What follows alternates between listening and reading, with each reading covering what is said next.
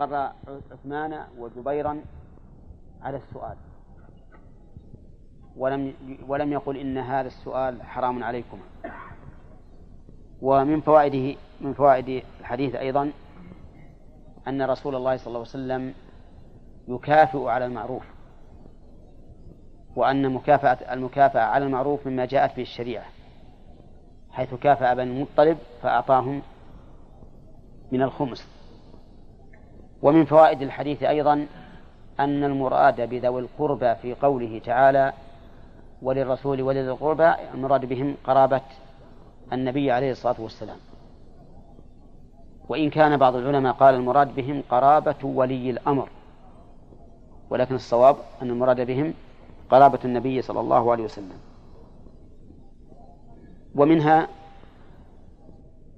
حسن أو ومنها تواضع النبي عليه الصلاة والسلام حيث أجاب عثمان وجبيرا بجواب يقتنعان به وهو قوله إن إن بنو المطلب وبنو هاشم شيء واحد.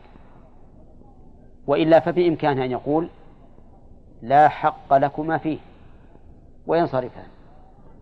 ولا لا؟ لكن الرسول بين العلة في إعطاء بني المطلب وأنهم مع بني هاشم شيء واحد. ومنها على رأي على ظاهر على ظاهر صنيع المصنف رحمه الله أن بني المطلب لا يعطون من الزكاة كما أنهم يعطون من الخمس.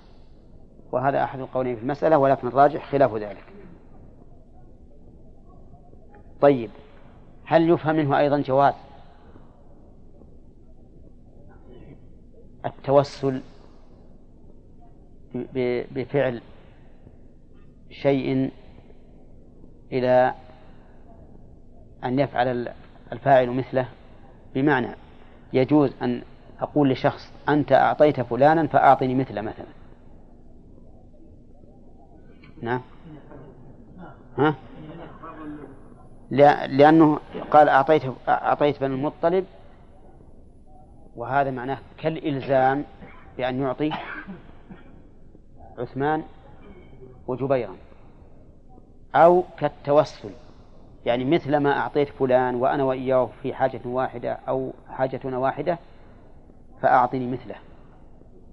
وهذا أيضا أمر جبلت عليه النفوس أن الإنسان يستدل أو يتوسل بفعل الإنسان على أن يفعل به مثل ما فعل. وعن أبي رافع رضي الله عنه أن النبي صلى الله عليه وسلم بعث رجلا على الصدقة من بني مخزوم. فقال لأبي رافع يقوله الرجل اصحبني فإنك تصيب منها. فقال لا حتى آتي, آتي النبي صلى الله عليه وسلم فأسأله. فأتاه فسأله فقال النبي صلى الله عليه وسلم مولى القوم من أنفسهم وإنها لا تحل لنا الصدقة رواه أحمد. والثلاثة وابن خزيمة وابن حبان. أبو رافع كان مولى لرسول الله صلى الله عليه وسلم لأن النبي صلى الله عليه وسلم ملكه من قبل العباس بن عبد المطلب. فجاء إلى النبي عليه الصلاة والسلام ذات يوم فبشره بإسلام العباس فأعتقه النبي عليه الصلاة والسلام فصار مولا للرسول عليه الصلاة والسلام. مولا من أسفل ولا من أعلى؟ ها؟ من أسفل؟ هنا مولا من أسفل. وكأنكم قلتم من أسفل باعتبار المعنى لأن الرسول عليه الصلاة والسلام أعلى منه بلا شك. لكن أنا أقول لكم إن المعتق يسمى مولا من فوق أو من أعلى. والعتيق يسمى مولا من أسفل. فكل منهما مولى للآخر لكن ذاك هو المعتق فهو الأعلى. كما قال النبي عليه الصلاة والسلام يد المعطي هي العليا. والثاني مولى من أسفل. يقول الرسول عليه الصلاة والسلام مولى القوم من أنفسهم. يعني وأنت مولى لي فيكون حكمك حكمي ولهذا قال وإنها لا تحل لنا الصدقة. يعني فإذا كانت لا تحل لنا وأنت مولى لنا فإنها لا تحل لك. واضح؟ إذا إذا أضيف إلى هذه إلى المسألة السابقة وهي أن الصدقة لا تحل لآل محمد. أضيف إليها ولا لموالي آل محمد. وإذا قلنا بأن المطلبين لا تحل لهم الصدقة فكذلك مواليهم ففي هذا الحديث أولا من الفوائد أن جواز استعمال الرجل على الصدقة. لأن الرسول عليه الصلاة والسلام بعث هذا الرجل ولكن يشترط في الرجل الذي يستعمل على الصدقة يشترط فيه شرطان. العلم والأمانة. العلم بماذا؟ العلم بأحكام الزكاة أخذا وإعطاء. فيعرف الأموال الزكوية ويعرف مقدار الأنصبة ويعرف مقدار الواجب ويعرف المستحق إذا كان قد وكل إليه الصرف. انتبه. ويشترط أيضا أن يكون أن يكون أمينا. وهذان الشرطان القوة والأمانة شرطان في كل عمل. كل عمل لا بد أن يكون الإنسان فيه قويا وأن يكون أمينا عليه. وقد ذكر هذا في موضعين من كتاب الله. فقال فقالت إحدى البنتي البنتين لأبيها صاحب مدين استأجره إن خير من استأجرت القوي الأمين. وقال العفريت من الجن أنا آتيك به قبل أن تقوم من مقامك وإني عليه لقوي أمين لقوي أمين. فكل عمل لا بد فيه من القوة عليه ومن الأمانة. سكل من كون العامل إيش؟ أمينا قويا. قويا يعني أنه يعلم الزكاة انصباءها ومقدار الواجب ومستحقها حتى يصرفها إذا إذا وكل إلى الصرف. طيب وأمينا بحيث لا يخون. بحيث لا يخون. فإن خان فإن كان خائنا أو يخاف من الخيانة فإنه لا يجوز أن يولى. طيب ومن فوائد الحديث جواز إخبار الإنسان بما ينتفع به انتفاعا دنيويا أو بعبارة أخرى جواز طلب المشاركة من شخص لينتفع بما شارك فيه انتفاعا دنيويا. ها؟ الدليل اصحبني فإنك تصيب منها. وجدته. ومن فوائد الحديث ورع الصحابة رضي الله عنهم. فإن أبا رافع رضي الله عنه مع كون هذا الرجل شجعه على الذهاب معه امتنع قال حتى آتي النبي صلى الله عليه وسلم. وهذا يدل على كمال الورع في الصحابة رضي الله عنهم. وهناك شيء يسمى ورعا وشيئا يسمى زهدا وبينهما فرق فرق بينهما ابن القيم بقوله الورع ترك ما يضر في الآخرة والزهد ترك ما لا ينفع في الآخرة وبينهما فرق ها؟ طيب يتبين الفرق في مباشرة شيء لا نفع فيه ولا ضرر فمباشرته لا تنافي الورع ولكنها تنافي الزهد. لأن الزاهد هو الذي يفعل ما فيه المنفعة والمصلحة. وأما ما ما لا منفعة فيه في الآخرة فيتركه. ومن فوائد الحديث أيضا أن أن مولى بني هاشم لا تحل له الصدقة. لقول النبي عليه الصلاة والسلام مولى القوم من أنفسهم ومنها أنه قد يستدل بعمومه على أن مولى القوم وارث. ها؟ قال مولى القوم من أنفسهم هل يعني يستدل به أن مولى القوم وارث؟ ها؟ نشوف. أما جمهور العلماء فيقولون إن المولى من أسفل لا يرث وإنما الوارث المولى من أعلى. لقول النبي عليه الصلاة والسلام إنما الولاء لمن أعتق. وأما المعتق فإن مولى سيده الذي أعتقه إذا لم يوجد له عاصب يذهب إلى بيت المال ولا يعطى العتيق. ولكن بعض العلماء قال إن المولى من أسفل يرث إذا لم يوجد عاصب سواه ولا صاحب فرض. وهذا اختيار الشيخ الإسلام ابن تيمية. وفيه حديث عن النبي صلى الله عليه وسلم في المرأة أنها ترث لقيطها وعتيقها وولدها الذي لا عنت عليه. طيب. وفيه أيضا جواز إطلاق المولى على بني آدم. إطلاق المولى على بني آدم وأن تقول هذا فلان مولاي وما أشبه ذلك. نعم. وهو كذلك.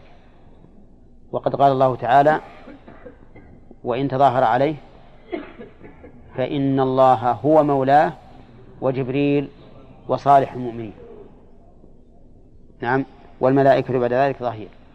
فالمولى تطلق على الله عز وجل وتطلق على المخلوق لكن إطلاقها على المخلوق ليس كإطلاقها على الله لأن الله سبحانه وتعالى له الولاية المطلقة. وأما الإنسان فولايته مقيدة. ومن فوائد الحديث أيضا حسن تعليم الرسول عليه الصلاة والسلام وإقناعه. لأنه قال للرجل مولى القوم من أنفسهم وبين له أنهم لا تحل لهم الصدقة. نعم. طيب ومنها أيضا أنه يجوز الاقتصار على المقدمات وإن لم تذكر النتيجة إذا فهم إذا فهمت من السياق. لأن ذكر النتيجة وقد فهمت من السياق لا يفيد إلا التطويل. نعم. طيب. كيف ذلك؟ انظر. قال وإنها لا تحل إن مولى القوم من أنفسهم. هذه المقدمة الأولى. وإنها لا تحل لنا صدقة هذه المقدمة الثانية. والنتيجة؟ فلا تحل لك الصدقة. لا حاجة إلى ذكرها إذا كانت معلومة المقدمات لأن ذكر النتيجة بعد العلم يعتبر تطويلا لا فائدة منه. فلهذا نقول إنما يجعجع به المنطقيون من تلك المقدمات والنتائج الطويلة العريضة أكثرها لا حاجة إليه أكثرها لا حاجة إليه شيخ الإسلام ابن تيمية رحمه الله يقول كنت أعلم دائما أصل فيكم من الزكمة عقبها العرب يعني. كنت أعلم دائما أن المنطق اليوناني لا ينتفع به البليد ولا يحتاج إليه الذكي. لا يحتاج إليه الذكي ولا ينتفع به البليد. إذا فهو تطويل بلا فائدة. ما دام الذكي ما يحتاج إليه والبليد لا ينتفع به. نعم. إن قرأه البليد شوش عليه وخلى أفكاره تحوم وتدور على غير فائدة. وإن قرأه الذكي قال لا حاجة لي به. وإنما هو مضيعة للوقت. طيب ومن فوائد الحديث أيضا؟ وجوب التصريح بالحق ولو على النفس. لقوله إنها لا تحل لنا الصدقة. وهكذا يجب أن يذكر الإنسان ما له وما عليه. قائما لله تعالى بذلك بالقسط. يا أيها الذين آمنوا كونوا قوامين بالقسط شهداء لله ولو على أنفسكم. وبعض الناس تجده مع الطمع والجشع يحاول أن يأخذ ما لا يستحق بالطرق الملتوية ولكن العاقل على خلاف ذلك. وعن سالم سالم بن عبد الله.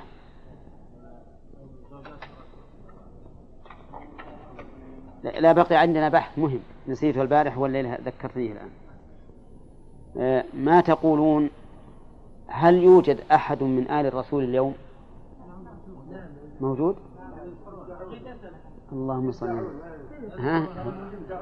نعم. طيب طيب. هذا يقول يوجد سنلزمه بأن يذكر لنا السند من الآن إلى المنتهى.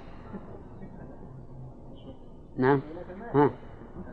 ملك الأردن أي طيب. طيب. الآن سلمك الله ائت لنا بالشجرة من هذا إلى الحسين والحسن.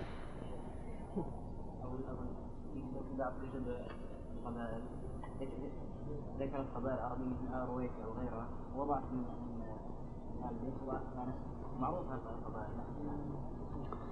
أما علمت أن رجلا من القصاص دخل مسجدا في الرصافة في العراق وقام يحدث بحديث نعم كذب. وقال حدثني يحيى بن معين وأحمد بن حنبل. وأحمد بن حنبل ويحيى بن معين يلتفت بعضهم البعض. أنت حدثت بهذا الحديث؟ قال لا ما حدثت. سبحان الله. انتهى الرجل وجلس ينتظر العطايا. فلما ذهب الناس ناداه أحمد بن حنبل ويحيى بن معين وقال وأقبل مهرولا. يظن أنهما سيعطيانه مالا. قال أنا ما, ما هذا أحمد بن حنبل وهذا يحيى بن معين ما حدثناك بهذا الحديث. قال والله أنا أحسب لكم عقول. أنا حدث في في السبعة عشر. أحمد بن حنبل غيرك أنت. نعم. وهو ساق سند. فأرويت هذول يا ياسر. يمكن رتعوا في هذا الإسناد ومشوه. نعم. المهم أنا قرأت في الفتح الباري وقرأت أيضا في كلام السيد رشيد رضا يقول ما في أحد يعلم أنه من آل البيت إلا ملوك اليمن. فقط. والباقي كله في شك في شك في شك فيه شك. نعم. ها؟ إذا ادعى مدعم أنه من أهل البيت. نعم. نطبق عليه القواعد الحديثية. أي. نقول نطبقها عليك باعتبار حرمانك من الزكاة لا باعتبار إعطائك من الخمس. نعم. أي نعم. عندنا في اليمن يدعون أنهم من أهل البيت ويأخذون الزكاة ويحاربون السنة. أعوذ بالله. على كل حال ما علينا من المهم إن, إن المسألة هذه مهمة جدا. مهمة. إيه لكن بس وين ما إحنا نقول السلالة باقية. لكن هل هذا الرجل أو هذه الطائفة منها هذه المشكلة؟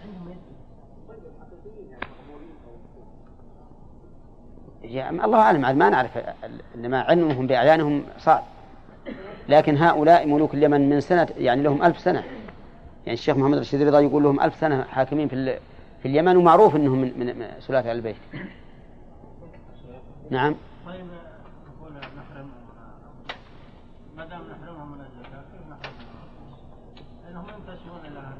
نحرمهم من الزكاة لأنهم يدعون ذلك دعوة. ومن ادعى شيئا حكم عليه لا له. دقيقة ها؟ والله أنا أنا أشك في حرمانهم من الزكاة. أنا أشك لاني ما دام ما, ما تيقن النسب فالأصل حل الزكاة. أي نعم هذا الأصل.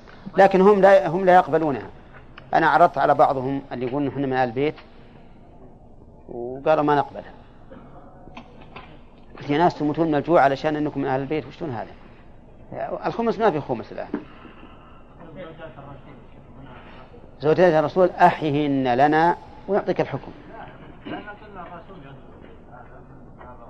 واحد سألها الأخ سألناها البارح وقلت أنا زوجات الرسول انتهى القول فيهم بالنسبة للزكاة أما بالنسبة للدعاء فلا شك أن زوجات الرسول من أهل البيت الله يقول في القرآن إنما يريد الله ليذهب لكم أهل البيت ويطهركم تطهيرا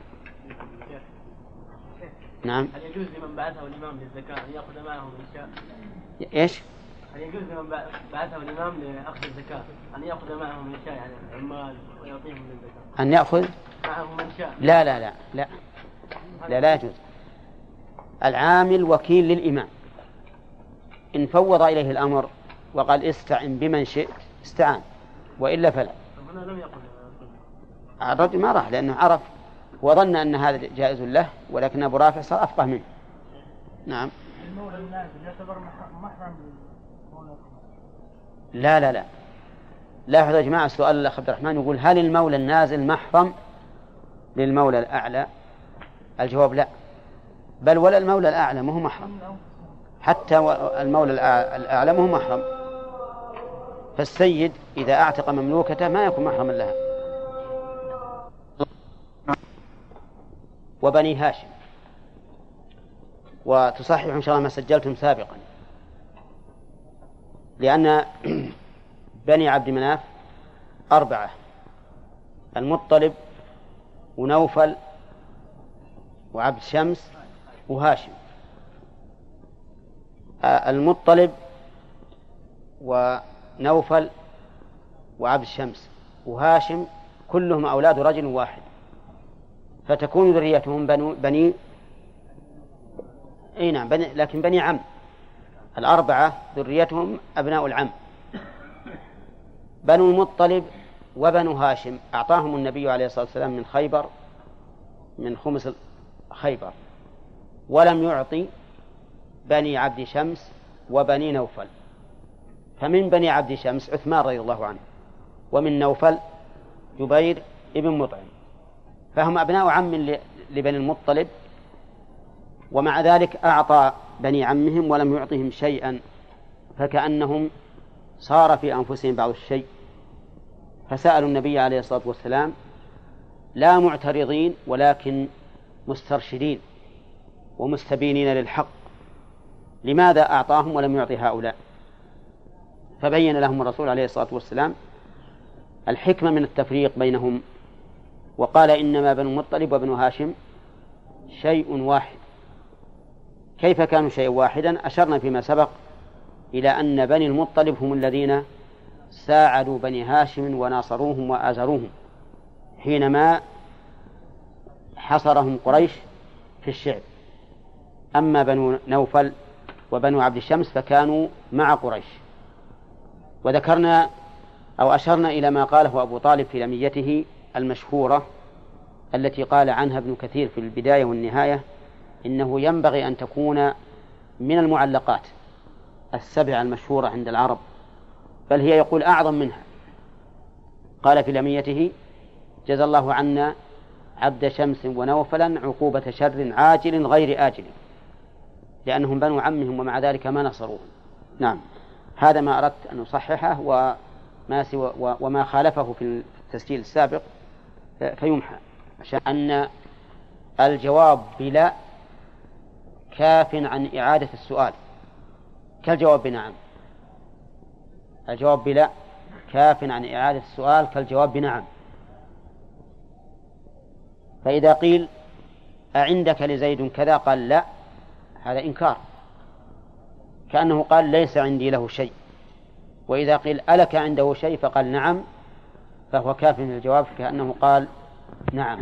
ولهذا لو قيل للرجل أزوجت ابنتك فلانا فقال نعم نعم صح. ولو قال أقبلت قال نعم صح أيضا. طيب وهل الإشارة تقوم مقام اللفظ؟ نعم نعم. تقوم مقام اللفظ إذا كانت ممتنعة حسا أو شرعا. إذا كان اللفظ ممتنعا حسا أو شرعا فإن الإشارة تقوم مقامه. الممتنع حسا كالأخرس. والممتنع شرع شرعا كالمصلي. فإنه لا لا يتكلم شرعا. فإن كان قادرا على النطق فالصحيح أيضا أن الإشارة تقوم مقام العبارة وأنه يكتفى بذلك وهكذا الكتابة. وفيها أيضا من ما سبق من من من الأحاديث أن الصدقة لا تحل لآل النبي صلى الله عليه وسلم وسبق أن العلماء اختلفوا في صدقة التطوع هل تحل لهم أو لا؟ واختلفوا فيما إذا منعوا الخمس هل تحل لهم الزكاة أم لا. ثم قال وعن, وعن سالم بن عبد الله بن عمر عن أبيه رضي الله عنهما أن أن رسول الله صلى الله عليه وسلم كان يعطي عمر بن الخطاب العطاء فيقول أعطه أفقر مني. فيقول خذه فتموله أو تصدق به وما جاءك من هذا المال وأنت غير مشرف ولا سائل فخذه وما لا فلا تتبعه نفسك. قوله كان يعطي عمر بن الخطاب العطاء. ما ما هذا العطاء؟ هذا العطاء هو العمالة على الصدقة. لأن الرسول عليه الصلاة والسلام بعث عمر على الصدقة فلما رجع أعطاه منها. سهم من؟ سهم العاملين عليه فكان عمر يقول أعطه أفقر مني وهذا من زهده رضي الله عنه حيث طلب من الرسول عليه الصلاة والسلام أن يعطيه أفقر منه وقوله أعطه أفقر مني ليس أمرا فيما يظهر لأن مثل عمر لا يأمر النبي صلى الله عليه وسلم. وليس التماسا لأن عمر لأن الرسول عليه الصلاة والسلام أعلى من عمر. إذا فما هو؟ سؤالا سؤالا. نعم سؤالا. لكنه أشد أدبا من الالتماس. الالتماس يسألك قرينك وهو يشعر بأنك مثله. في المرتبة. لكن السؤال يسألك السائل وهو يرى أنك أعلى منه. فإن رأى أنك دونه فهو أمر.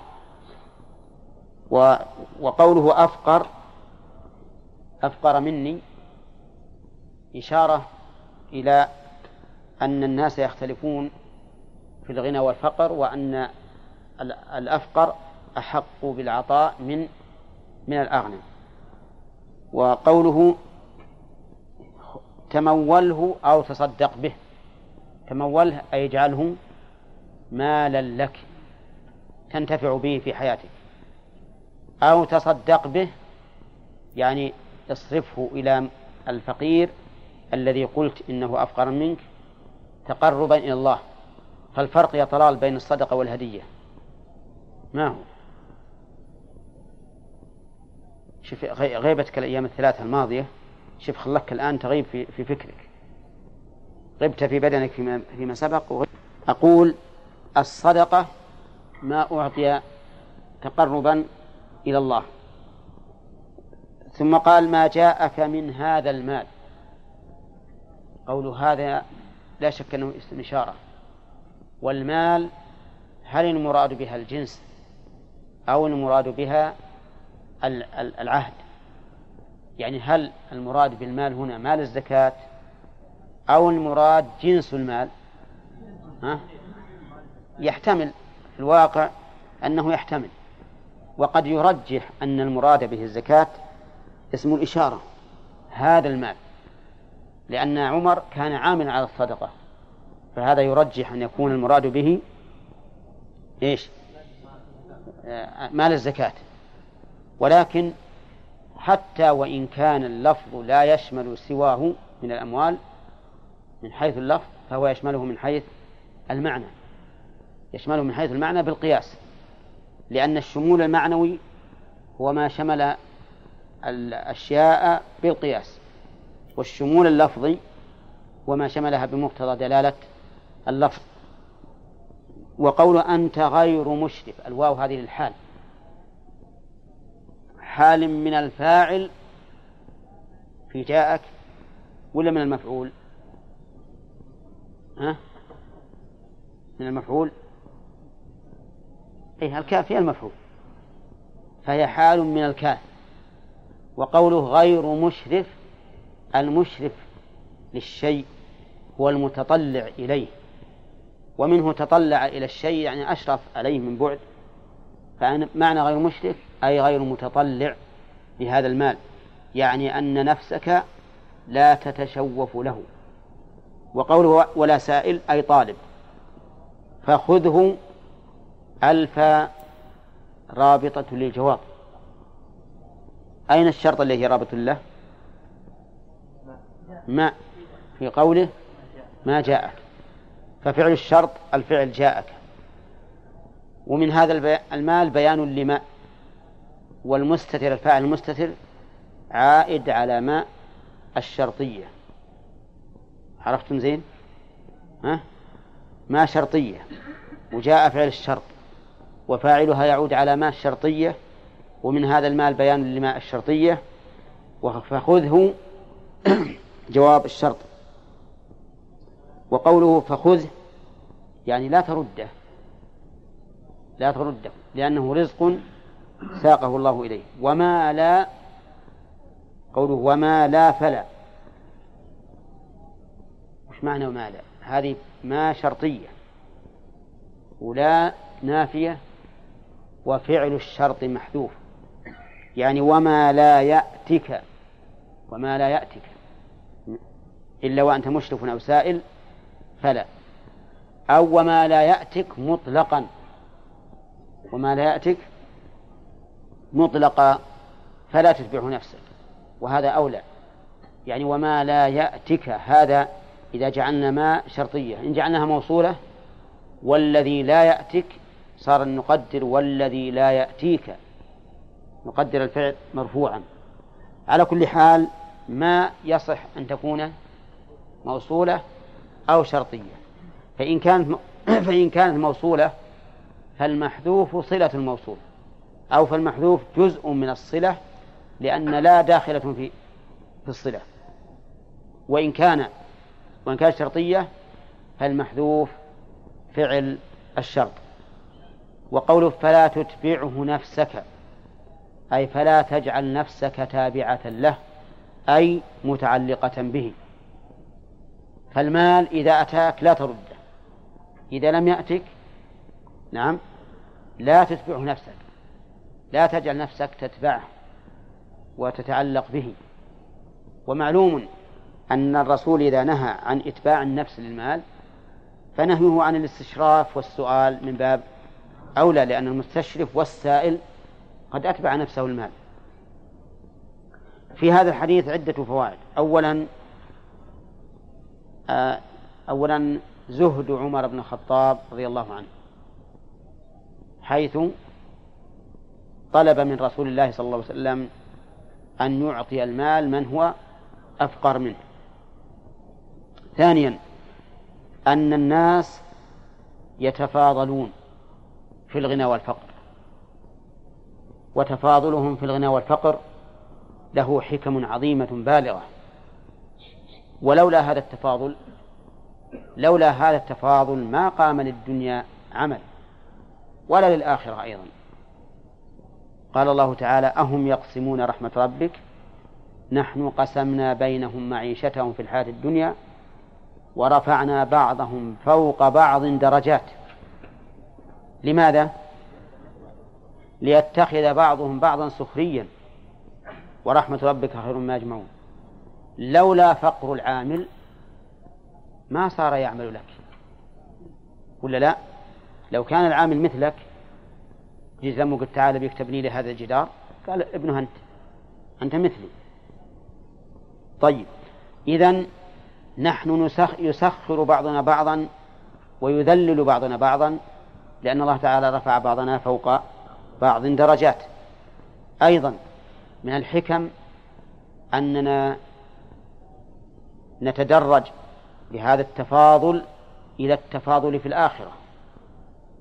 انظر كيف فضلنا بعضهم على بعض. ولا الآخرة أكبر درجات وأكبر تفضيلا. الآن نقول مثلا هذا الرجل غني عنده سيارات وقصور وبنين ونساء وإحنا ما عندنا شيء. نقول هذا لا شك أنه تفضيل. ولكن الفضل في الآخرة أعظم وأعظم. ولهذا أخبر النبي عليه الصلاة والسلام أن أهل الجنة يتراءون أصحاب الغرف. يعني المنازل العالية كما يتراءون الكوكب الدري الغابر في الأفق.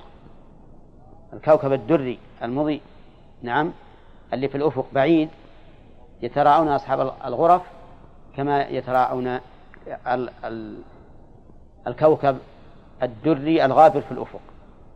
وهذا تفضيل عظيم. أيما هذا أو أن, أن يكون عند الإنسان قصر واسع وكبير وسيارات وخدم وحشم ها؟ لا شك لا فرق. يعني لا سواء لا سواء. ولهذا قال ولا الآخرة أكبر درجات وأكبر تفضيلا. كم من إنسان مهين في هذه الدنيا لا يسوي لا يساوي نعلة لكنه في الآخرة من أصحاب الغرف. هذا هو الفخر في الحقيقة.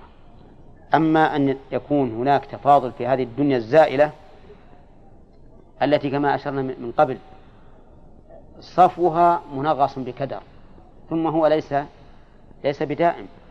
حتى لو صفت للإنسان غاية الصفاء فإنه كما قال الشاعر لا طيب للعيش ما دامت منغصة لذاته بادكار الموت والهرم. نعم على كل حال الناس في هذه الدنيا يفترقون كما قال عمر بن الخطاب أعطه أفقر منه. أعطه أفقر منه. طيب وفي هذا دليل في الحديث أيضا دليل على مشروعية أخذ المعطى من الزكاة إذا كان أهلا. نعم. لقوله خذه. وهل هو على سبيل الوجوب؟ أو على سبيل الاستحباب. قال بعض أهل العلم إنه على سبيل الوجوب وأن الإنسان إذا أهدي إليه شيء أو تصدق به عليه بشيء وهو أهل له ولم تستشرف نفسه ولم يسأل فإنه يجب عليه أن يقبل. وهذا هو المشهور من مذهب الإمام أحمد أنه إذا أهدي إليك هدية وأنت لم تستشرف نفسك لها ولم تسألها وجب عليك القبول. لقوله فخذ والأصل في الأمر الوجوب لا سيما وأن الرسول عليه الصلاة والسلام يعلم أن في الناس من هو أحوج من من عمر رضي الله عنه. فكونه يصفها إلى هذا الرجل ويأمر بأخذها يدل على الوجوب. وقال بعضهم بل هو على الاستحباب. لأن الأمر هنا في مقابل الامتناع. لما امتنع كأنه يقول خذه فهو مباح لك. وهذا هو الأقرب. وعلى كلا القولين إذا خفت مضرة عليك في قبول هذه الهدية فلا فلا يلزمك القبول. لا يلزمك القبول. لأن بعض الناس إذا أهدى هدية صار يمن بها. كلما حصلت مناسبة قال إيه هذا جزاء يوم أعطيك ذاك اليوم كذا وكذا. نعم. ثم صار يوبخ هذا الرجل ويمن عليه. فإذا كنت تخشى من هذا فلا شك أنه لا يجب عليك القبول. حتى على القول بوجوب القبول في هذه الحال لا يجب. لأن ذلك ضرر عليك.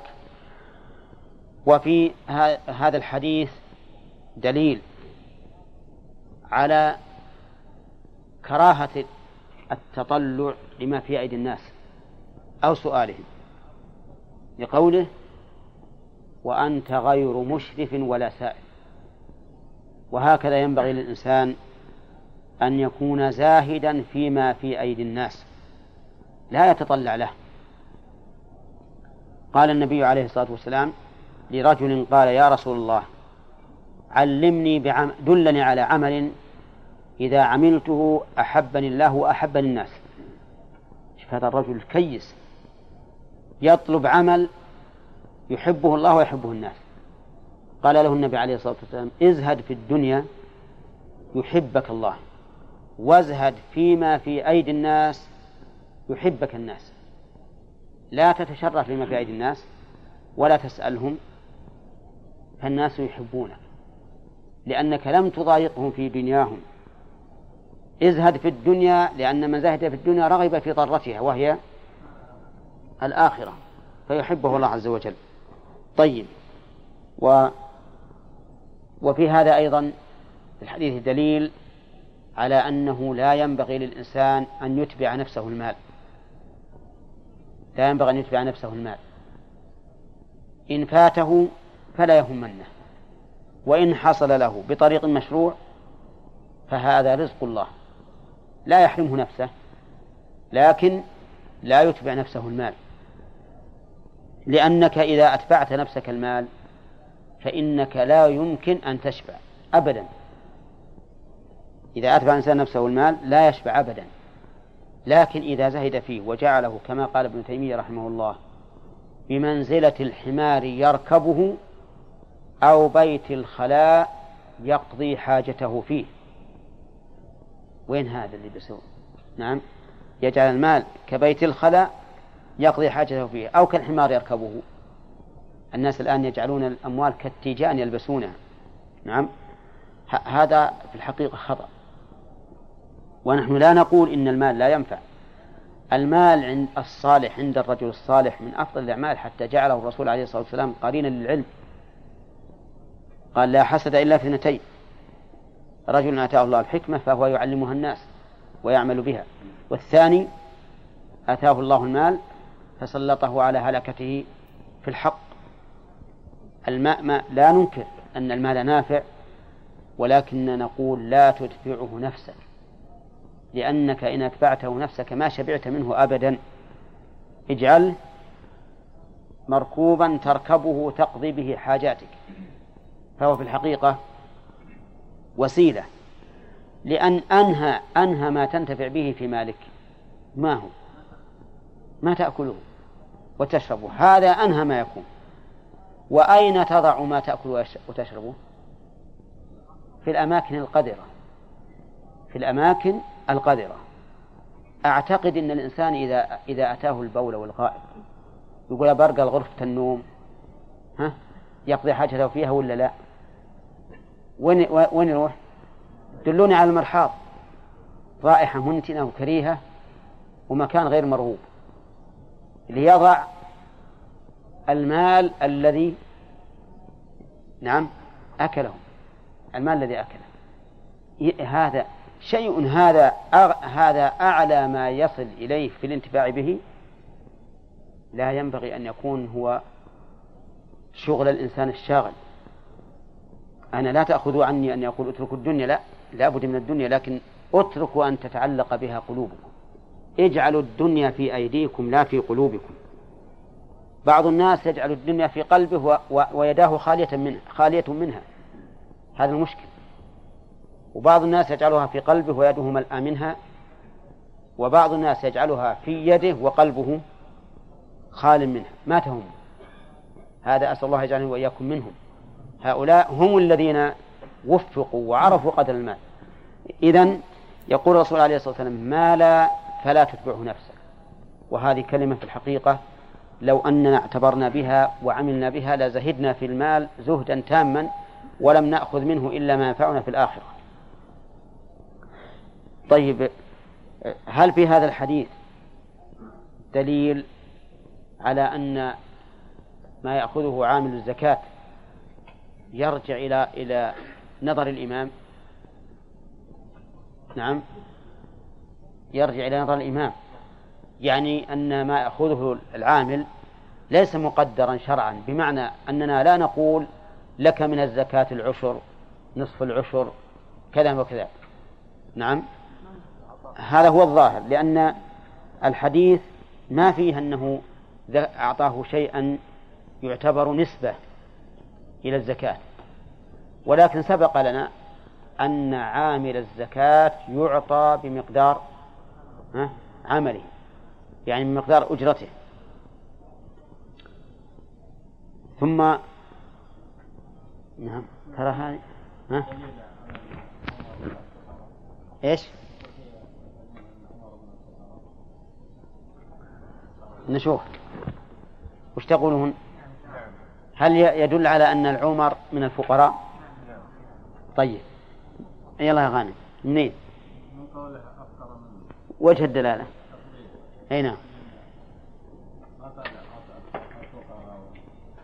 ما وجه أن اسم التفضيل يدل ما وجه أن اسم التفضيل يدل على أن عمر فيه فقر؟ لأنه قال أفقر منه أي ودنا بقاعدة نمشي عليها يا غانم. قاعدة ننتفع بها ونمشي عليها ها؟ إيه اشتراك المفضل والمفضل عليه في الوصف مع زيادة المفضل صح القاعدة دي؟ ها؟ صحيح؟ أي هذا الأصل هذا الأصل وقد يختل الأصل آه الله خير أما يشركون وآلهتهم ما فيها خير. أصحاب الجنة يومئذ خير مستقرا.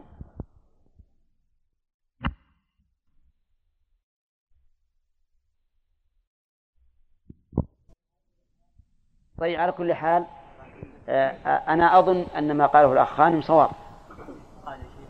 أن ما قاله الأخ غانم صواب.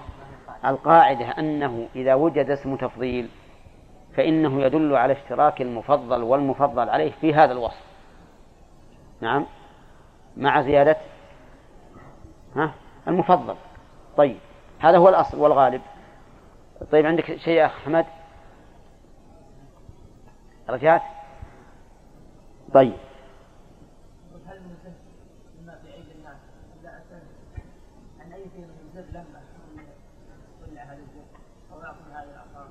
لا هو هذا ما هو بعطاء هذا.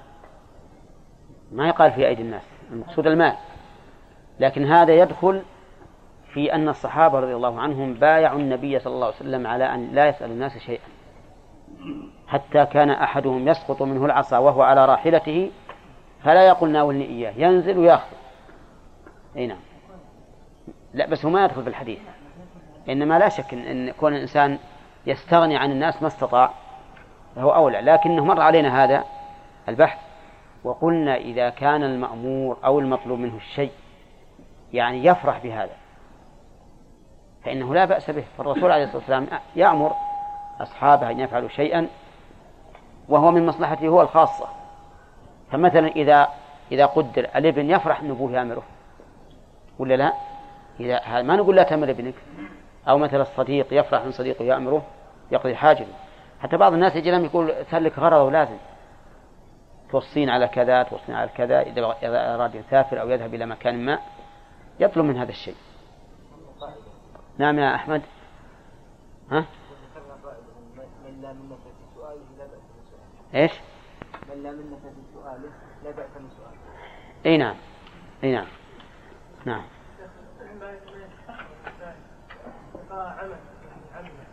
هل اشترط فيها عدم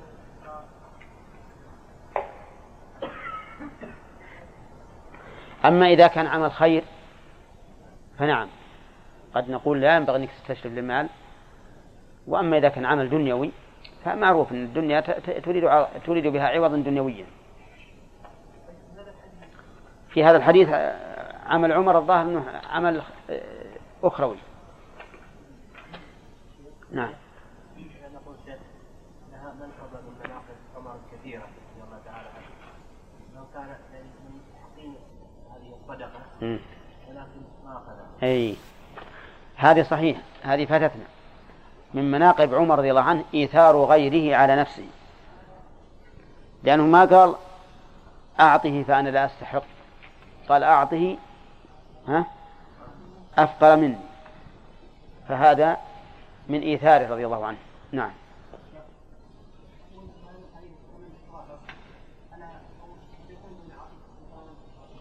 إيه.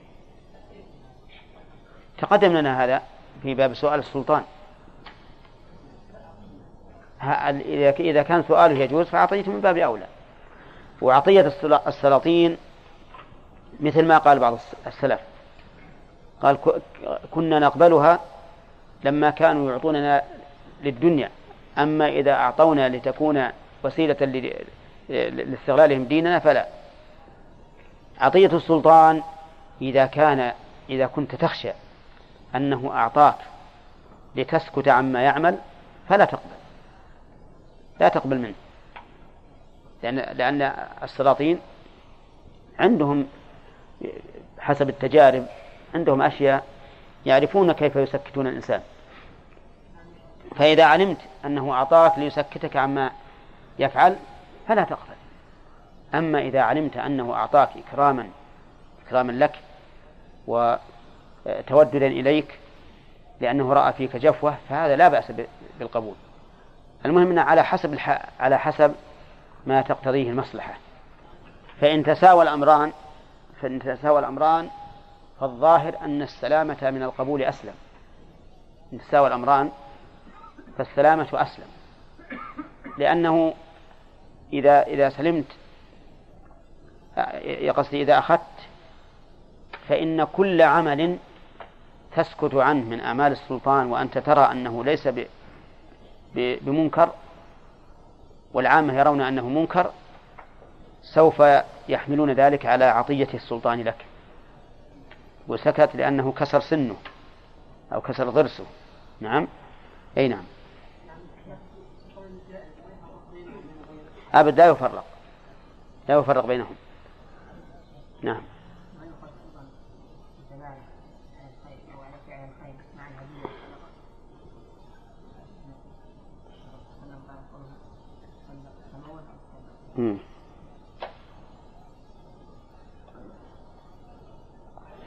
لا قد يؤخذ منه جواز التصدق بالمال بالمال كله. نعم بقوله تموله أو تصدق به. والصدقة بالمال كله جائزة كما مر علينا بشرط أن يكون الإنسان يعرف من نفسه هو التوكل على الله عز وجل وعدم سؤال الخلق. نعم. قال النبي صلى الله عليه وسلم بالامر ولا يكون من باب انه من العاملين عليه إلا بلى. وليس لفقره أي نعم. ولذلك قوله أو تصدق به ربما تحمل على لأن عنده مال نعم. ان كان عندك مال فتصدق بهذا المال لانك تحقق لا وعلى كل حال هو استحقه بالعمالة لأنه ثبت في في رواية أخرى أنه بعثه على الصدقة.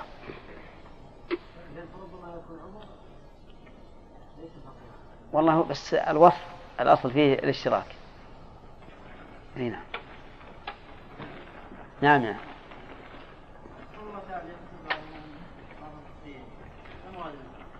ها؟ أي نعم. معناها أن- أن بعضهم يذلل بعضا برفع هذه الدرجات. فالغني يجي إلى الفقير يقول تعال يلا اكنس البيت ابن الجدار طهر المرحاض ولا لا؟ إي نعم. لكن لولا هذا التفاضل ما قال لك لا. نعم. في واحد يسأل في الربع أظن. يعني؟ نعم. هذا يكون ال- الغني مسخر للفقير أيضا. نعم. نعم نعم. نعم نعم. كل مسخر ولهذا قال ليتخذ بعضهم بعضا سخريا. نعم. لكن بس ظهور الت- التسخير تسخير الغني للفقير أبدا أوضح. أوضح بلا شك. نعم. إيش؟ للزهد. أحسن ما قيل فيه ما قاله شيخ الإسلام ابن تيمية رحمه الله وهو أن الزهد ترك ما لا ينفع في الآخرة.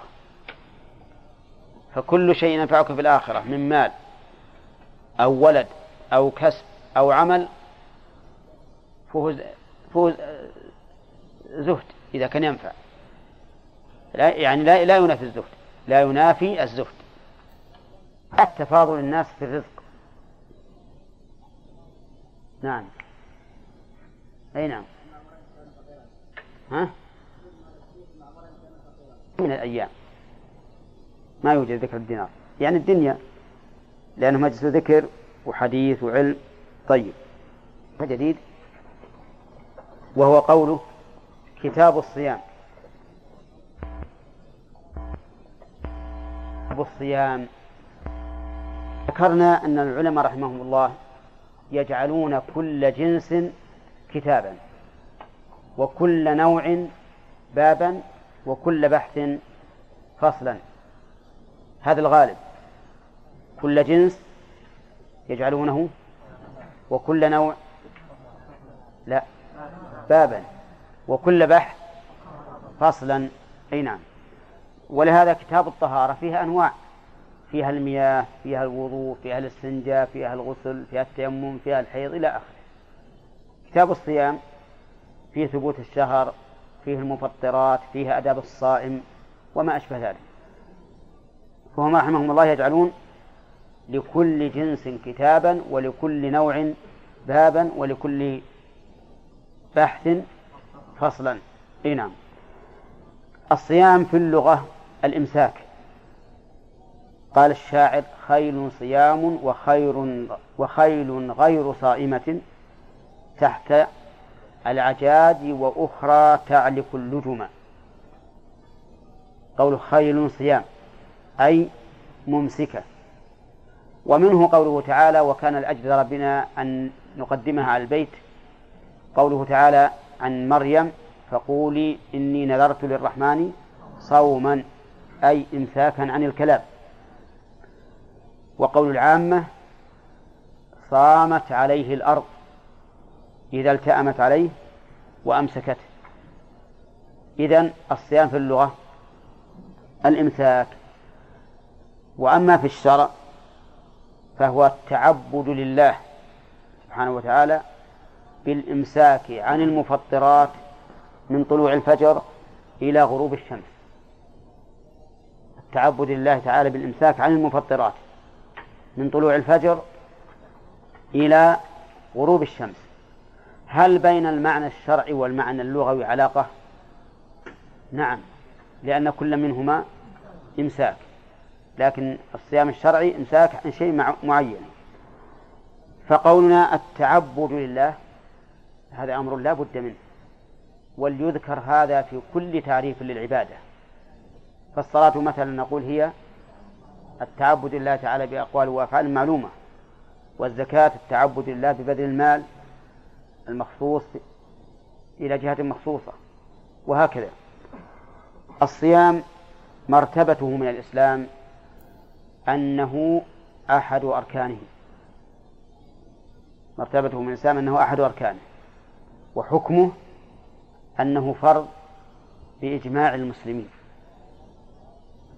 لدلالة الكتاب والسنة عليه.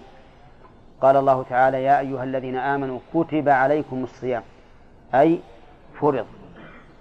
وقال النبي عليه الصلاة والسلام إذا رأيتموه فصوموا. إذا رأيتموه فصوموا. والأمر للوجوب. فصيامه واجب بالكتاب والسنة وإجماع المسلمين إجماعا قطعيا. لم يختلف فيه اثنان. لا سنيهم ولا بدعيهم. كلهم مجمعون على وجوب صوم رمضان. ولهذا نقول من أنكر وجوبه كفر. إذا كان عائشا بين المسلمين. لأنه أنكر أمرا معلوما بالضرورة من دين الإسلام. أما من تركه تهاونا فقد اختلف العلماء في كفره. والصحيح أنه لا يكفر. وعن الإمام أحمد رواية أنه يكفر قال لأنه ركن من أركان الإسلام. والركن هو جانب الشيء الأقوى. وإذا سقط الركن نعم سقط البيت. لكن الصحيح أنه لا يكفر بشيء من الأعمال إلا الصلاة. كما قاله عبد الله بن شقيق عن الصحابة رضي الله عنهم. وتكليف المسلمين بالصيام تظهر فيه حكمة الله عز وجل. لأن الله سبحانه وتعالى جعل العبادات متنوعة. بذل محبوب وكف عن محبوب وعمل فيه شيء من التعب لكن بدون مشقة. عمل يعني معاناة عمل بذل محبوب كف عن محبوب. فالزكاة مثلا بذل محبوب. قال تعالى وتحبون المال حبا جما. ولهذا تجد بعض الناس يحاول بقدر ما يستطيع أن يقلل من من زكاته أو أن يسقطها أو أن يصرفها في شيء واجب عليه عرفا. الصيام كف ها عن محبوب. وانظر ما يحصل فيه من المشقة مشقة المألوف فيما إذا كان اليوم شديد الحر طويلا تجد الإنسان يشتاق اشتياقا كبيرا إلى إلى الماء. لكن ليعتاد الإنسان على كف النفس فرضه الله. أما أما العمل فمثل الصلاة والوضوء والحج مع أن الحج فيه أحيانا بذل ها؟ بذل محبوب. الحكمة من هذا التنوير لأن من الناس من يسهل عليه العمل دون بذل المال. ومن الناس من يسهل عليه بذل المال دون العمل. ومن الناس من يصعب عليه الكف عن المحبوب عن الأكل والشرب والأهل. فلهذا نوع الله العبادات ليعلم من يكون عابدا لله ممن يكون عابدا لهواه. هذه الحكمة في فرضية الصيام وإلا فقد يقول قائل هذا إمساك ما الفائدة؟ هذا ما عمل عملا. فنقول له ترك محبوبا. قد يكون العمل عليه أهون من ترك من ترك هذا المحبوب. فهذه الحكمة في إيجاب الصيام على العباد. ثم إن للصيام حكما كثيرة. أهمها التقوى وهي التي أشارها الله أشار الله إليها بقوله يا أيها الذين آمنوا كتب عليكم الصيام كما كتب على الذين من قبلكم لعلكم تتقون.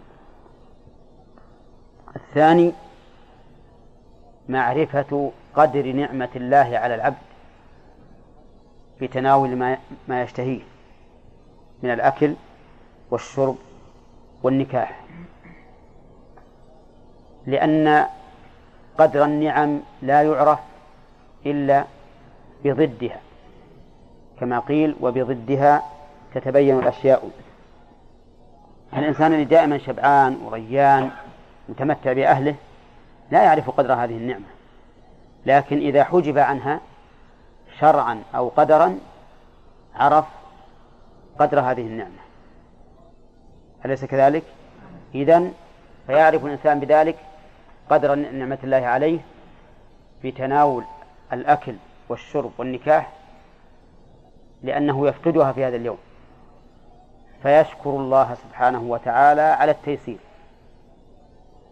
ومنها من فوائدها تعويد النفس على الصبر والتحمل حتى لا يكون الإنسان مترفا. فإن الإنسان قد يأتيه يوم يجوع فيه ويعطش فيكون هذا الصي... هذا الصوم تمرينا له على الصبر والتحمل على فقد المحبوب. وهذه تربية نفسية.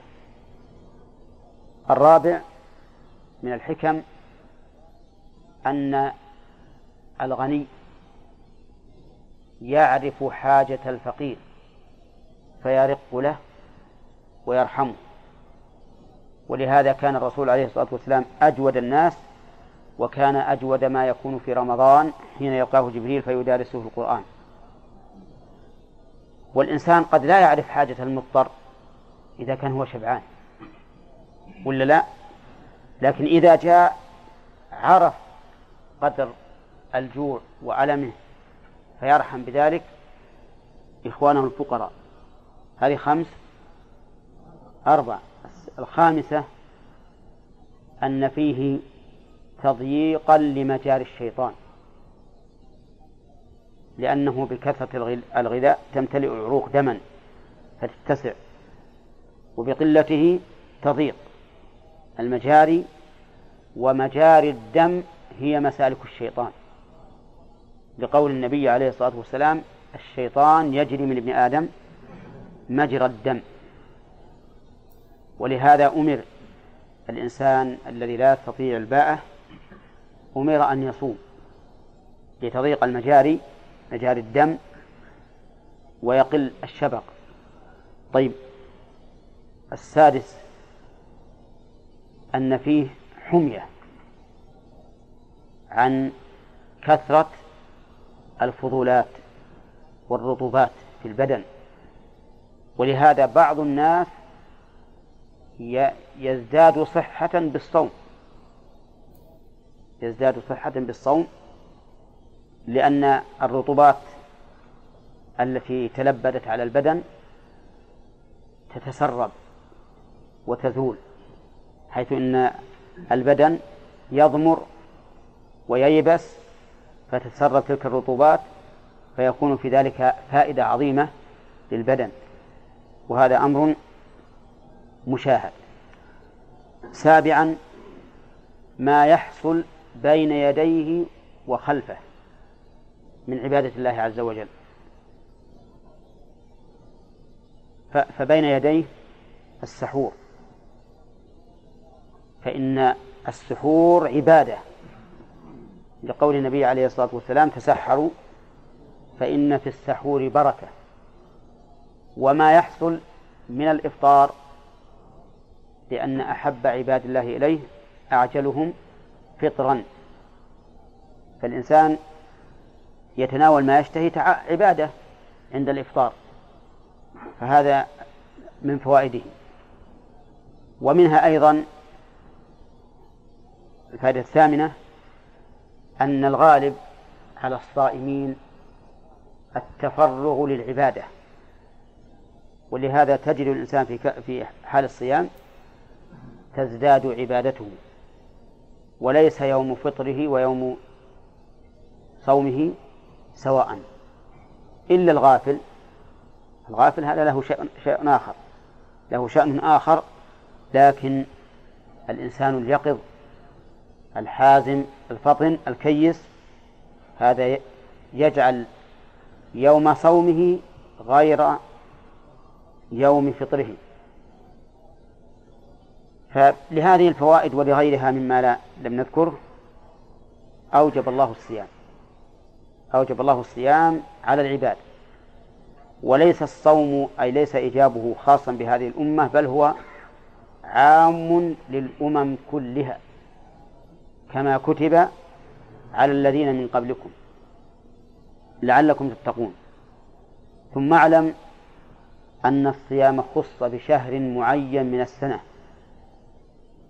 أشار الله تبارك وتعالى إلى الحكمة في تخصيصه بقوله شهر رمضان الذي أنزل فيه القرآن. شهر رمضان الذي أنزل فيه القرآن.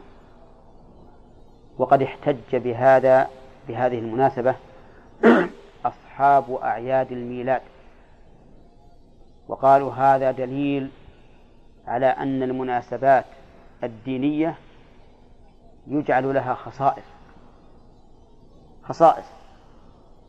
لأن الله جعل مناسبة إنزال القرآن أن نصوم هذه المناسبة كل كل عام.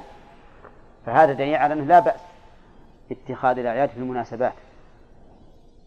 ولكن هذا في الحقيقة دليل عليهم وليس لهم. لأن كون الشارع يخص هذه المناسبة بهذا الحكم دليل على أن ما لم يخصه ها؟ لا يشرع فيه شيء. إذ لو كان الله يحب أن يخص بشيء لبينه كما بين هذا. وهذا مما يذكرنا بما قاله شيخ الإسلام ابن تيمية أن كل مبطل يحتج على باطله بدليل صحيح ها؟ فإن أي نعم فإن دليله يكون عليه لا له نعم. طيب الصيام خص بشهر. هلالي ولا اصطلاحي هلالي وهو شهر رمضان.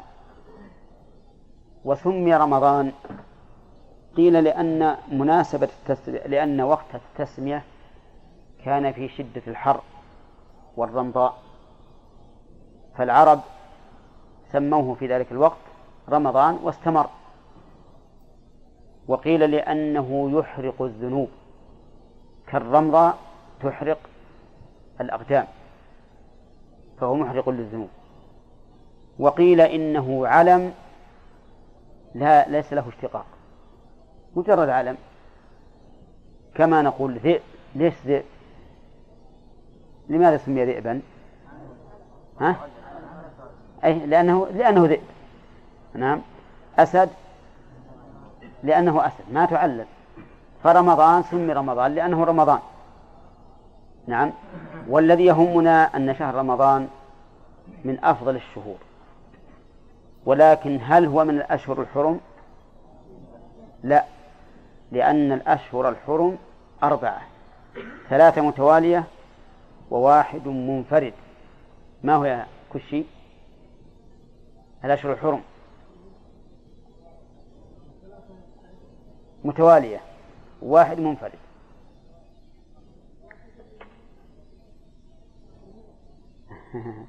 هم قلنا الآن ليس من الأشهر الحرم.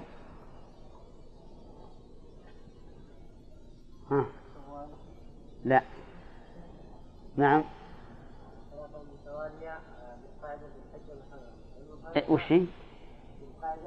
ذو القعدة بالفتح. ها. نعم. صح. صح؟ أي نعم. هذا يشرحهم يا جماعة. ثلاثة متوالية ذو القعدة وذو الحجة والمحرم ورجب منفرد. قال عن أبي هريرة رضي الله عنه قال قال رسول الله صلى الله عليه وسلم لا تقدموا رمضان بصوم يوم ولا يومين. لا ناهية. والدليل على أنها ناهية جزم الفعل بها حيث حذفت منه النون. وقوله تقدموا هي فعل مضارع حذفت منه إحدى التائين التائين. وأصلها تتقدم وحذف إحدى التائين كثير في اللغة العربية. ومنه قوله تعالى فأنذرتكم نارا تلظى أي تتلظى. ولولا أننا قلنا إنه محذوف محذوف محذوف به إحدى التائين لكان تلظى فعل ماضي. ولا لا؟ طيب هنا تقدموا. لولا أننا قلنا بحذف إحدى التائين لكان فعلا ماضيا. تقول جاء القوم فتقدموا. نعم. لا تقدموا رمضان اسم للشهر. يعني لا تقدموا هذا الشهر المسمى بهذا الاسم بصوم يوم ولا يومين. نعم. استثنى قال إلا رجل كان يصوم صوما. عندكم في الشرح يقول إن رواية مسلم إلا رجلا ولكن ليس بصحيح. فإن رواية مسلم إلا رجل كما قال المؤلف رحمه الله إلا رجل. أما البخاري فقال إلا أن يكون رجل إلا أن يكون رجل يصوم صوما فليصوم. أما لو صحت النسخة إلا رجلا فالظاهر أنه لا إشكال فيها لأنها منصوبة على الاستثناء. لكن إلا رجل قالوا إنه مستثنى من الواو في لا تقدموا. والنهي كالنفي. فيكون الاستثناء من تام غير موجب. من تام غير موجب فجاز أن يبدل من المستثنى منه. والمستثنى منه مرفوع ولا لا؟ مرفوع. طيب. قال إلا رجل كان يصوم صوما. يعني اعتاد أن يصوم صوما فليصمه الفاء ضابطة واللام للأمر المراد به الإباحة وليس المراد به الاستحباب ولا الوجوب فالمراد به الإباحة لأنه في مقابلة النهي في مقابلة النهي فكان للإباحة. كما لو قلت زيد لا تكرم وعمرا أكرمه أي يباح لك أن تكرمه. طيب. في هذا الحديث ينهى رسول الله عليه الصلاة والسلام الأمة أن يتقدموا رمضان. والخطاب للصحابة لا تقدموا. خطاب لأناس عنده. الخطاب للصحابة خطاب للأمة جميعا. والخطاب للواحد من الصحابة خطاب للصحابة جميعا. وعليه فإذا وجه الخطاب إلى واحد من الصحابة فهو لمن؟ لجميع الأمة. للصحابة والخطاب للصحابة خطاب للأمة. فينهى النبي عليه الصلاة والسلام أمته أن يتقدموا رمضان بصوم يوم أو يومين. لماذا؟ قيل لأجل أن ينشطوا لاستقبال رمضان لأجل أن ينشطوا لاستقبال رمضان لأن الإنسان إذا صام قبل يوم قبل رمضان بيوم أو يومين يأتي رمضان وهو كسلان تعبان من الصوم السابق وهذه العلة كما ترون عليلة ليش؟ أي لأنه لو كان كذلك لكان يصوم قبل العيد بأربعة أيام قبل رمضان بأربعة أيام أشد أشد نهيا ولا لا؟ مع أن الحديث يدل على الجواز. وقيل إن العلة لأجل الفرق بين الفرض والنفل. الفرق بين الفرض والنفل. وهذا قد يكون فيه نظر. لأن لأنه لو كانت العلة هكذا لم يكن فرق بين من كان يصوم صوما ومن لم يكن. لكن النهي عاما. وقيل إن العلة لئلا يفعله الإنسان من باب الاحتياط. فيكون فيكون ذلك تنطعا. من باب الاحتياط كيف؟ لرمضان. من باب الاحتياط لرمضان. يقول أنا أخشى سبحان الله وإن كان رجب ناقص وشعبان ناقص أبى أصوم يومين؟ خوفا من النقص. فيكون هذا من باب من باب التنطع. وقيل لئلا يظن الظان أن هذا الصوم من رمضان فيكون قدحا في الحكم الشرعي الذي علق صوم رمضان بماذا؟ ها؟ برؤية الهلال وهذا الأخير والذي قبله هو أقرب العلل أما ما سبق فهي علة عليلة وهنا علة لكل مؤمن وهي ها؟ امتثال أمر الله امتثال أمر الله ورسوله العلة أن النبي صلى الله عليه وسلم نهى عنه ولهذا لما سئلت عائشة رضي الله عنها ما بال الحائض تقضي الصوم ولا تقضي الصلاة؟ قالت كان يصيبنا ذلك فنؤمر بقضاء الصوم ولا نؤمر بقضاء الصلاة. نعم. ف فقول ففي هذا الحديث من الفوائد. أولا النهي عن تقدم رمضان بصوم يوم أو يومين. لقوله لا تقدموا. وهل هذا النهي للتحريم أو للكراهة؟ فيه قولان لأهل العلم. منهم من قال إنه للتحريم ومنهم من قال بل للكراهة. الذين قالوا إنه للتحريم احتجوا يا بندر. ها؟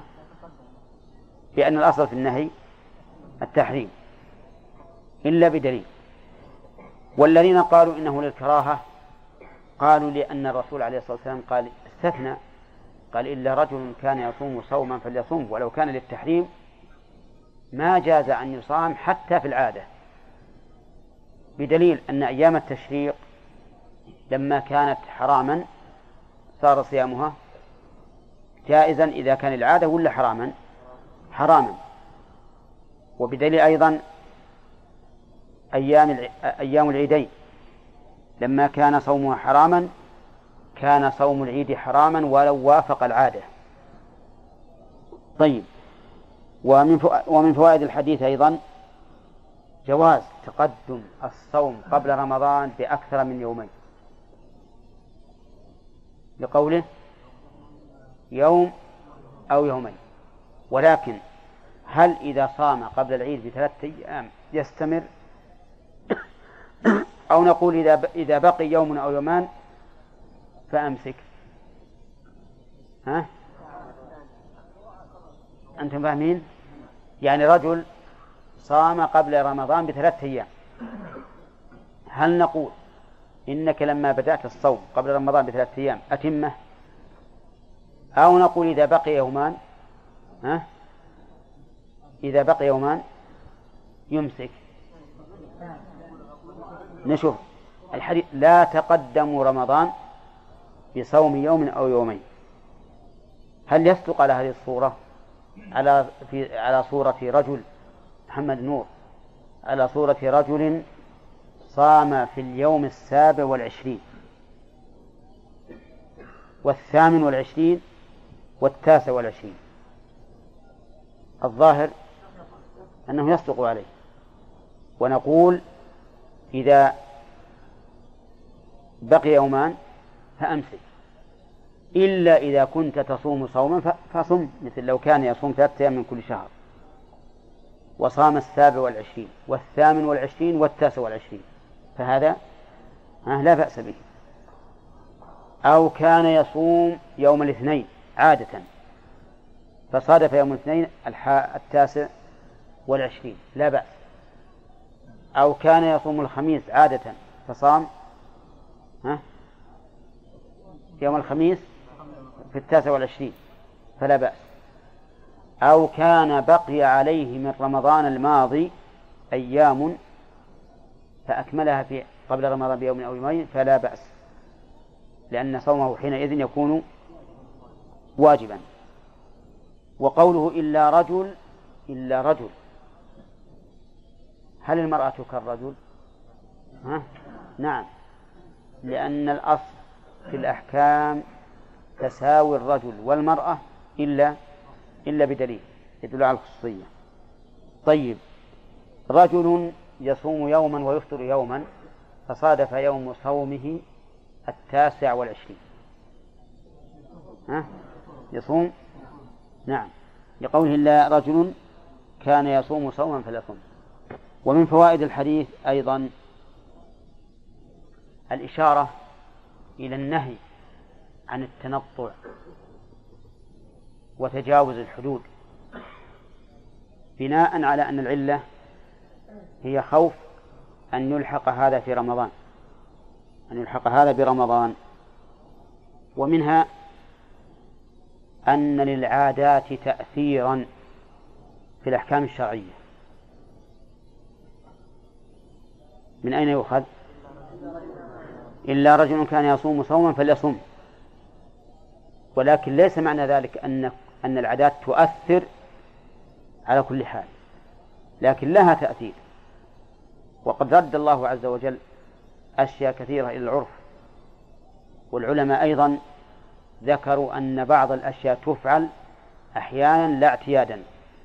كما قالوا يجوز أن يصلي الإنسان النفل جماعة لكن أحيانا لو أردت مثلا أن تقوم صلاة الليل أنت وصاحبك جماعة أحيانا فلا بأس به لأن الرسول عليه الصلاة والسلام فعل ذلك مع ابن عباس وحذيفة. أما أن تتخذ ذلك سنة راتبة نعم فلا تعتادها. فهذا دليل على أن للعادة تأثيرا في الأحكام الشرعية سلبا أو أو إيجابا ومن فوائد الحديث أن الأمر قد يأتي للإباحة ها؟ لقوله فليصمه حيث قلنا إنها للإباحة وهل يأتي الأمر للإباحة في غير هذا الموضع؟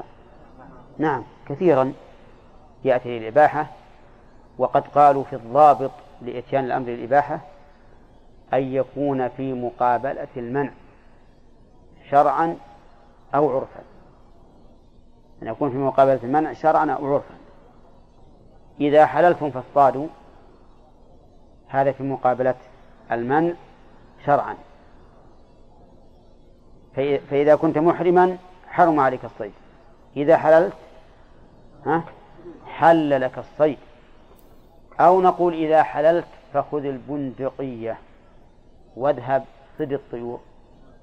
ها؟ ليس كذلك. لكنه مباح لأنه في مقابلة المنع. وإذا ح... و... نعم. لا تقتلوا الصيد. نعم. أو لا تحلوا شعائر الله. ولا الشرع حرام ولا الهدي ولا القلائد ولا من البيت الحرام. يبتغون فضلا من ربهم ورضوانه وإذا حلتم فاصطادوا. طيب فإذا قضيت الصلاة فانتشروا في الأرض. ها؟ للإباحة. نعم لأن في مقابلة المنع. هذا الشرعي. العرفي استأذن عليك رجل فقلت ادخل. ادخل. هذا أمر للإباحة ولا ولا للإلزام؟ ها؟ للإباحة أولى للإباحة. معلوم. ولهذا لو جئت وأنت ما دخلت ما أنبتك. ولا يؤنب أحدا شخصا لم يدخل إلا رجلا يعتبر يعني أحمق. لو مثلا قلت ادخل ولا دخل. بعض الناس إذا قلت ادخل ولا دخل وجاء من الباب هاشد يهوشك يزجرك. ليش أنا قلت ادخل ولا ما دخلت؟ فماذا يقول؟ ها يقول الأمر للإباحة لكن إذا كان عاميا لا يعرف. يقول طيب أنت الأمر للإباحة أنا أوافقك على هذا. نعم. لكن أنت الآن تسخر بي. ليش تستأذن مني؟ ولما أذنتك ما دخلت. ها غير رأيه؟ إيه طيب أجل السهل يهاش. على كل حال الأمر في مقابلة المانع يكون للإباحة سواء كان المانع شرعيا أو عرفيا. طيب. لأنه يقول فليصمه. نعم. طيب. لا الضمير المفعول. فليصمه أي فليصم الصوم الذي كان يصومه من قبل. نعم عبد الرحمن. لا الكراهة الظاهر الكراهة نعم. طيب ومن فوائد الحديث أيضا. من فوائد الحديث الإشارة إلى ضعف ما يروى عن أبي هريرة رضي الله عنه رواه أهل السنن. إذا انتصف شعبان فلا تصوموا فإن هذا الحديث ضعيف. أنكره الإمام أحمد. وإن كان بعض بعض العلماء صححه أو حسنه وأخذ به وقال إنه يكره الصوم من من السادس عشر من شعبان إلى أن يبقى يومان فإذا بقي يومان صار الصوم حراما لهذا الحديث. والصواب أن ما قبل اليومين ليس بمكروه وأما اليومان فهو مكروه. نعم يا عبد الوهاب.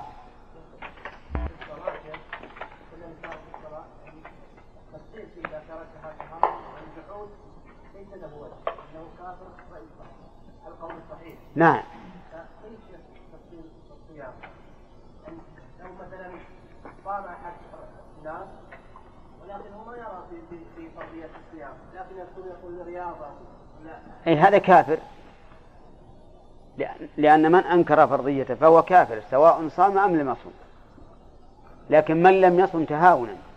يقول أنا والله أعرف أن الصوم فرض وركن من أركان الإسلام لكن يتهاون هذا ما يكفر على القول الراجح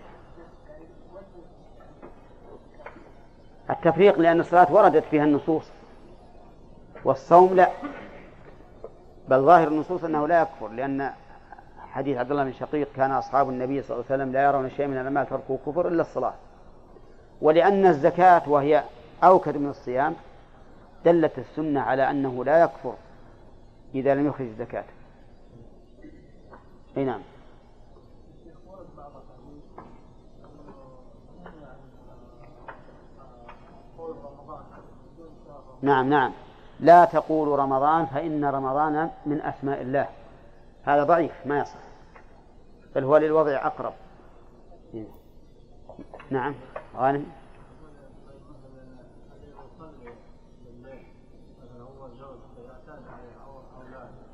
أي نعم. لا يقال هذا بدعة. لا يفعل. هنا ينشطهم يعطيهم فنجان شاي وقهوة وينشطهم لا لا. لا يقومهم ولا سيفه يصلي صلى. لكن أحيانا لو فرض أنه أحيانا صار معهم كسل أو ما أشبه ذلك صلى بهم. لا ما يستمرون. نعم. نعم.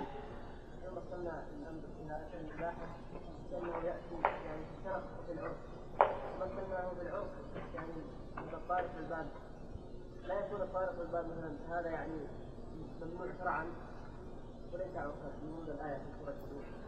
إي نعم لكن في هذه الحال يستأذن مو يستأذن من الشرع يستأذن من صاحب البيت.